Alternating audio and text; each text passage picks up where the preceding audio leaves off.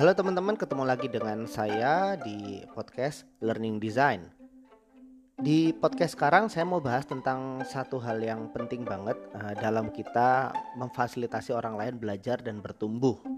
Dan ini saya ceritakan betul di dalam buku saya Understanding Human Learning menjadi satu penekanan yang tidak boleh dilewatkan. Yaitu apa? Proses kita melatih itu kita perlu melihat kebertahapan dalam belajar.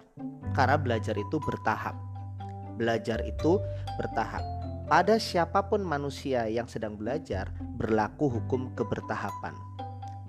Uh, ilustrasinya begini deh. Bayangkan kita uh, sedang kita ingin menjelaskan trigonometri gitu. Ya. Masih ingat kan trigonometri ya? Moga-moga masih ingat ya. Ingat-ingatlah.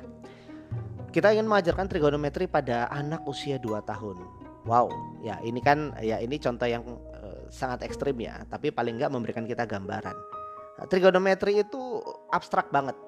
Sangat-sangat sangat abstrak, ya. Sedangkan pada level anak 2 tahun dia belum bisa memikirkan sesuatu lebih daripada apa yang konkret di depan matanya.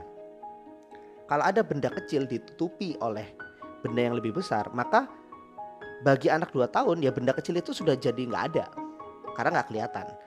Kalau kita di usia kita sekarang ya kita bisa bayangin di dalam benda besar itu ada benda yang lebih kecil walaupun nggak kelihatan. Karena kita sudah bisa memikirkan lebih baik dalam hal yang abstrak-abstrak. Sedangkan anak-anak usia 2 tahun dia hanya bisa memikirkan sesuatu yang kelihatan aja. Nah, bayangkan kalau misalnya level kemampuan berpikir anak 2 tahun yang seperti itu diajarkan trigonometri yang begitu abstraknya. Bahkan kita ya, sulit membayangkan bentuknya di dunia nyata ya. Seperti apa? Gak nyambung pasti. Ya ini ilustrasi ekstrim bagi kita saat kita ingin melatih dan mengembangkan orang lain. Kita lihat dulu levelnya dia di mana. Kita lihat levelnya dia di mana. Kalau kita berikan proses belajar yang terlalu tinggi, masih pasti gak akan nyambung. Kita perlu ajarkan dia sesuai dengan di mana level dia berada supaya dia bisa menerima. Dan nanti pelan-pelan kita tambah, pelan-pelan kita tambah sehingga setiap orang itu naiknya bertahap demi bertahap.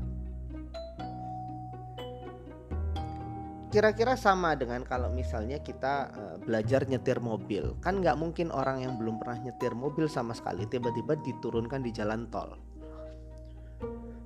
walaupun dengan motivasi yang luar biasa berpikir positif aja. Kalau kita berpikir positif, kalau kita yakin kita pasti bisa. Ini orang baru banget megang setir mobil ya. Kalau kita berpikir positif, kita yakin kita pasti bisa. Langsung turun di jalan tol. Jalan tolnya oh, rame pula kan. Gimana? Apa yang terjadi? Ya syukur-syukur kalau selamat ya. Artinya kalau kita mau melatih orang lain uh, berpikir positif tok itu nggak cukup, motivasi tok itu nggak cukup. Ngajarinnya perlu tepat. Tepat itu apa? Sesuai dengan tahapannya. Nah, bicara sesuai dengan tahapannya ini nanti kita memberikan proses pembelajaran yang tepat untuk dia bertumbuh. Bagaimana proses yang tepat untuk dia bertumbuh? Begini, begini ya. Uh, ini agak uh, nyamping dikit dari bahasan tadi. Saya mau bahas tentang apa yang disebut dengan learning zone. Ya. Uh, learning zone. Bahasan tentang learning zone ini saya dapat di buku NLP workbooknya Joseph O'Connor, ya, di mana orang itu bisa bertumbuh pada kondisi belajar learning zone namanya. Nah, bayangkan nih zona belajar itu dibagi tiga, dibagi tiga. Berapa? Dibagi tiga ada namanya anxiety zone, zona kecemasan. Ya.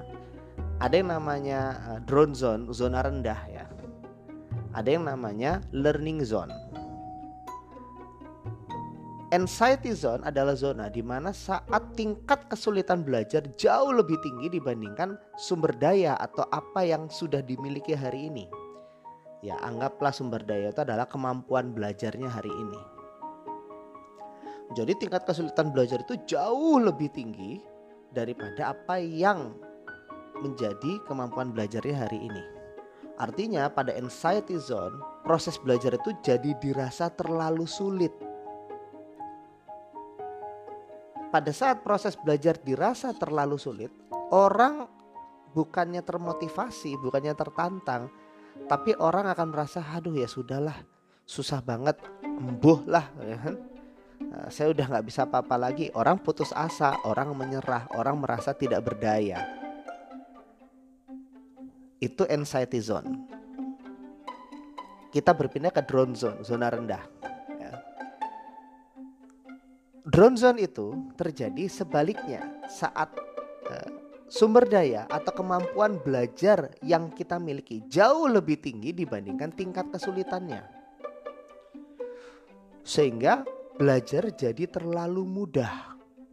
Kalau tadi anxiety zone, belajar jadi terlalu sulit. Kalau drone zone, belajar jadi terlalu mudah. Saat belajar terlalu mudah, bukannya orang semangat, bukannya orang seneng, lama-lama dia bosen. Kalau bosen bukannya produktif dalam belajar, orang bosen akan segera meninggalkan proses belajar. Apaan sih gini doang? Ya coba misalnya kita yang usia 20, 30, 40 ya misalnya atau 50 ya sudah lulus TK atau SD kelas 1 kelas 2 sejak dulu tiba-tiba diberi uh, seribu soal penjumlahan 1 tambah 2, 2 tambah 3, 3 tambah 4 tapi seribu soal gitu suruh nyelesaikan.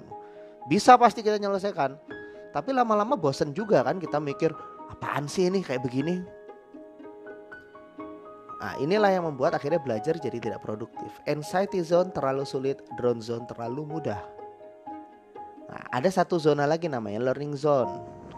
Learning zone ini apa? Sebuah kondisi di mana uh, proses belajar itu, nah ini tolong dicatat ya, dicatat betul. Proses belajar itu sedikit lebih sulit, sedikit lebih sulit dibandingkan dengan kemampuan belajar hari ini. Artinya apa? Dia lebih sulit. Tapi orang-orang yang belajar merasa belajarnya ini lebih sulit dari kemampuannya, tapi lebih sulit yang masih bisa dikejar. Kalau anxiety zone kan lebih sulit dan terlalu sulit dikejar. Kalau learning zone uh, lebih sulit tapi masih bisa dikejar, masih kelihatan di depan mata. Masih mampu digapai. Nah, gitu ya. Sehingga saat orang berada pada kondisi learning zone, orang akan terpacu semangatnya untuk mau lebih baik. Tertantang untuk mau berkembang, tertantang untuk mau berubah. So kunci untuk orang bertumbuh adalah menjaganya pada learning zone. Nah, balik ke kebertahapan tadi. Kita sebagai orang yang melatih dan mengembangkan orang lain perlu lihat dulu posisi dia di mana, level dia di mana. Lalu setelah kita tahu level dia di mana, maka kita berikan pembelajaran yang sifatnya learning zone tadi. Lebih sulit dari levelnya hari ini, tapi lebih sulitnya dikit aja.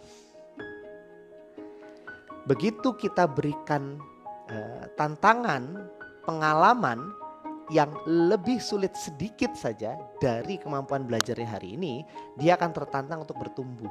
Lama-lama dia akan naik ke level kebertahapan yang berikutnya nanti di level kebertahapan yang berikutnya kita lihat lagi level dia di mana, lalu kita berikan uh, tantangan uh, pengalaman yang lebih sulit sedikit saja dari kondisi dia hari ini di saat ini yang sudah meningkat. Begitu terus sampai akhirnya yang tadi dia levelnya di bawah, dia akan naik sedikit demi sedikit hingga levelnya tinggi di atas. Inilah orang yang sudah berkembang menjadi lebih baik dari hari ke hari. Fiuh, berarti menumbuhkan orang ya mem memfasilitasi orang belajar itu butuh kesabaran ya. Yes, betul. Butuh kesabaran. Butuh proses yang sering kali tidak bisa kita buru-buru. Terlalu buru-buru kita karbit bisa jadi mungkin dia akan masuk ke dalam anxiety zone yang lama-lama dia akan merasa tidak berdaya. So teman-teman sekalian uh, pastikan betul kita memfasilitasi seseorang untuk belajar dan bertumbuh dengan melihat kebertahapannya. Kita lihat, kita observe, kita perhatikan pada level mana dia hari ini. kita berikan tantangan pengalaman yang sedikit lebih sulit dibandingkan kemampuan belajarnya hari ini perlahan-lahan kita jaga, kita temani, kita bimbing untuk dia bisa naik level sehingga nanti learning zone-nya pun akan terus naik. Dan ini menjadi proses yang tidak pernah berhenti sampai dia uh, mencapai level yang kita harapkan. Pastikan proses belajar kita bertahap dan terjaga di dalam learning zone. Saya Surya Krisnanda, terima kasih. Wassalamualaikum warahmatullahi wabarakatuh.